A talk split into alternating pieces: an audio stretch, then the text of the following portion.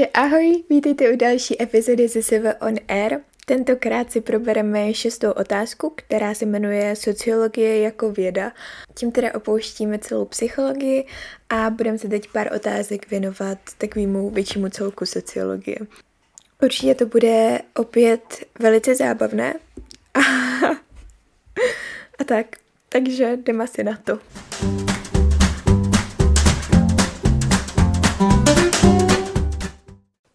Slovo sociologie vzniklo z latinského slova societas, což znamená společnost, a z řeckého logos, což je slovo, řeč nebo věda. Sociologie je věda usilující o celkový výklad fungování společnosti a společenských jevů. Zkoumá vztahy mezi různými prvky společenské struktury, pravidla života sociálních skupin a obecnější zákonitosti společenského vývoje. Jako samostatná vědní disciplína se začala objevovat v druhé polovině 19. století a zakladatelem je Auguste Comte, který dal této disciplíně název sociologie. Původně se totiž jmenovala sociální fyzika. No a Auguste Comte uh, ji rozdělil na sociální statiku a sociální dynamiku. Sociální statika znamená zkoumání společenské struktury a sociální dynamika znamená studium zákonitostí společenského vývoje.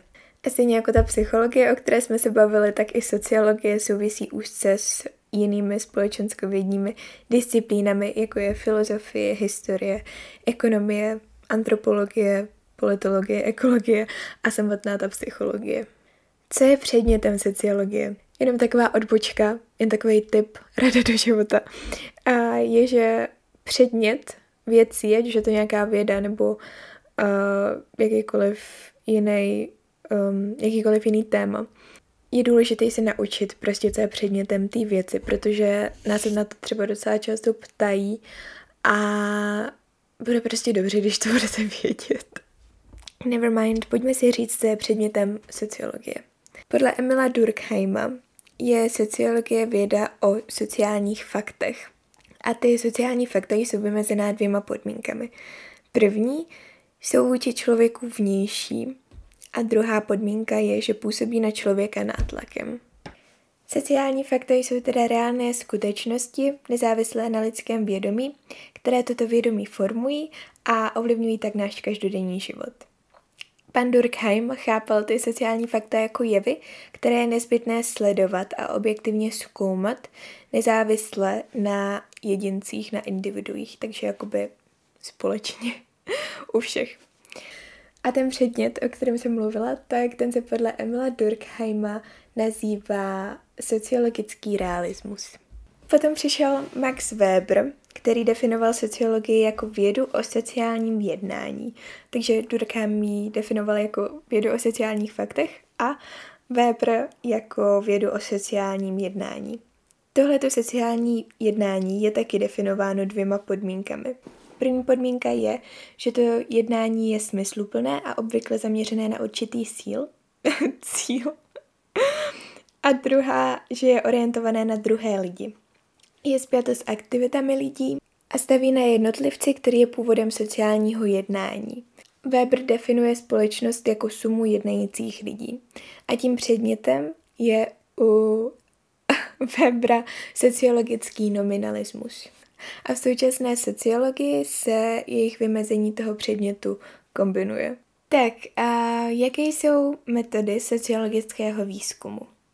Můžeme provádět buď kvantitativní výzkum, což znamená testování pravdivosti a nepravdivosti dopředu vytvořených hypotéz neboli předpokladů na velkém vzorku respondentů.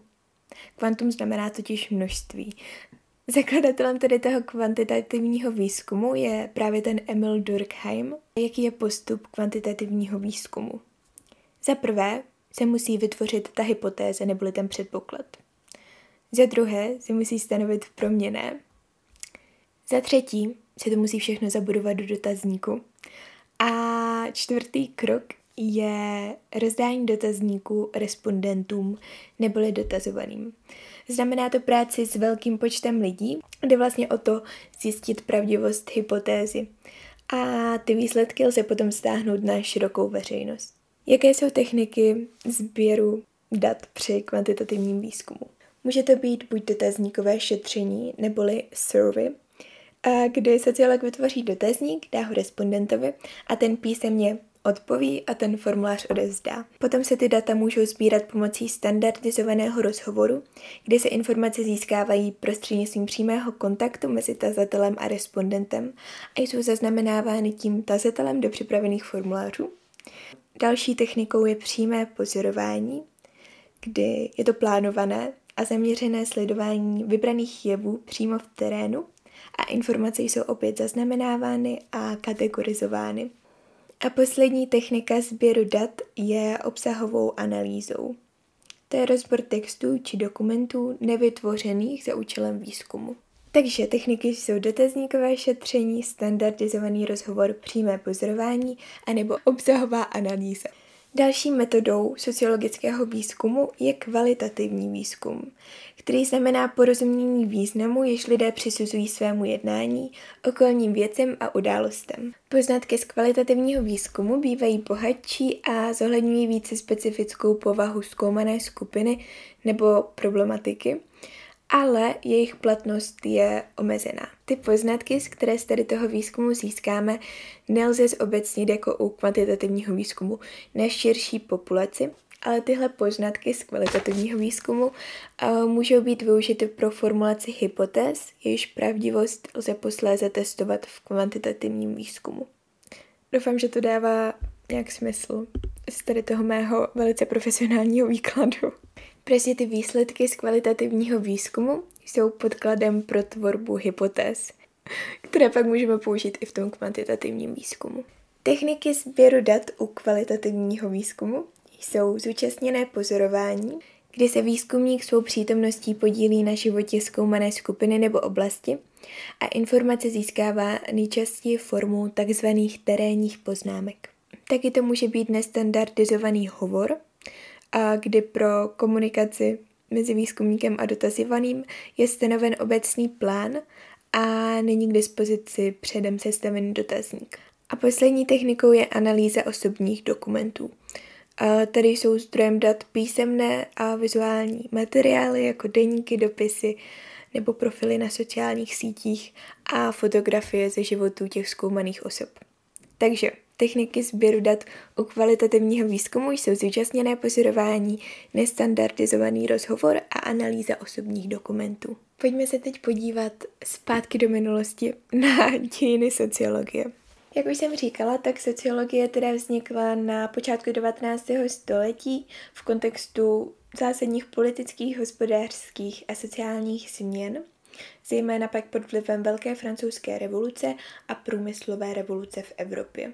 Hodně velkou úlohu zde se hrál i rozmach vědy, která se stala klíčovým nástrojem k poznávání světa na úkor náboženských výkladů. Z počátky sociologie spojujeme především jméno Augusta Comteho, o kterém už jsem říkala, a to byl teda francouzský filozof, který představil sociologii jako vědu o společnosti v roce 1938, kdy ji pojmenoval ve svém díle Kurz pozitivní filozofie. Comte byl teda představitel pozitivismu, což je směr usilující o vědecké poznání, a chápal sociologii na způsob přírodních věd.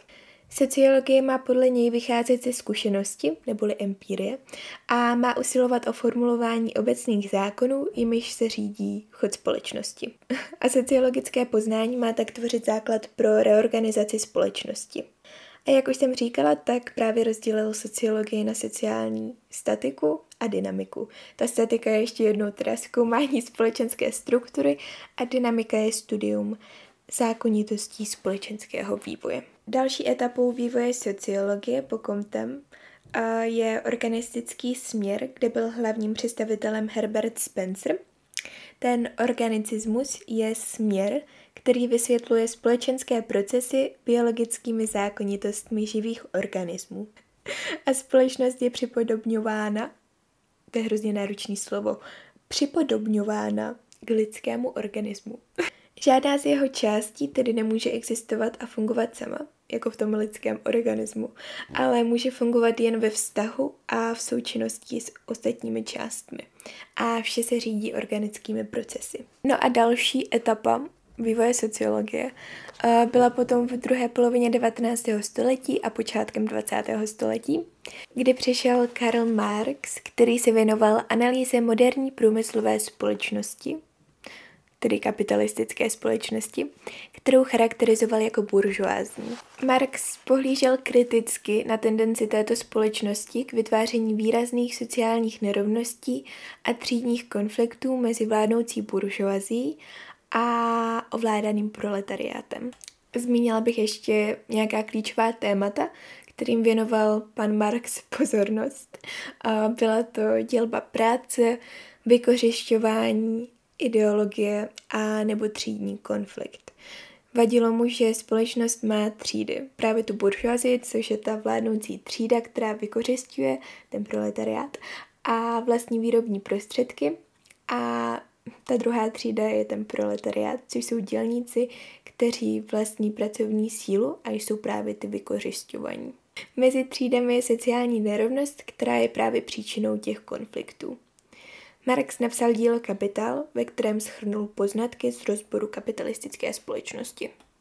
A tato jeho práce byla potom se propojena s politickým aktivismem ve prospěch komunismu. Potom to byl ještě Emil Durkheim, který měl takovou zásadu, která se jmenovala vysvětlovat sociální sociálním. Byl to představitel sociologismu, což znamená, že Jevy sociálního světa nemůžeme dostatečně vysvětlit pomocí jevů z jiné úrovně skutečnosti. Durkheim se věnoval analýze dělby práce, věnoval se společenské solidaritě, sebevražednosti a náboženství.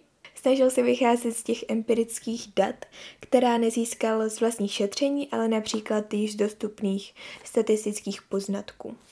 A do sociologie přivedl pojem anomie, který vznikl z řeckého nomos neboli řád. Ta anomie znamená stav společnosti, kdy přestávají platit jasně formulované normy a hodnoty. A Durkheim použil tento výraz pro popis stavu moderní společnosti. A potom se tady angažoval ještě ten již zmiňovaný Max Weber, který směřoval svůj zájem na to sociální jednání, o tom už jsme se bavili, a to považoval teda za ten hlavní předmět sociologického zkoumání. Sociální jednání je podle něj lidská aktivita, která je obdařena smyslem a orientuje se podle reakcí druhých lidí. A v tom sociálním jednání existují ještě různé kategorie, které představují různé sociální instituce, jako trh, byrokracie, církev nebo město. A podle Webera je teda cílem sociologie vysvětlit význam jednotlivých typů sociálního jednání. Taky věnoval pozornost vztahu mezi ekonomickým životem a kulturními formami, tedy mezi tržní ekonomikou a náboženstvím, a napsal dílo Protestantská etika a duch kapitalismu, kde zkoumal souvislost mezi protestantskou etikou a kapitalistickou mentalitou. A jak už jsme si taky na začátku řekli, tak to byl představitel sociálního nominalismu, kdy Cílem sociologie je vysvětlit význam jednotlivých typů sociálního jednání.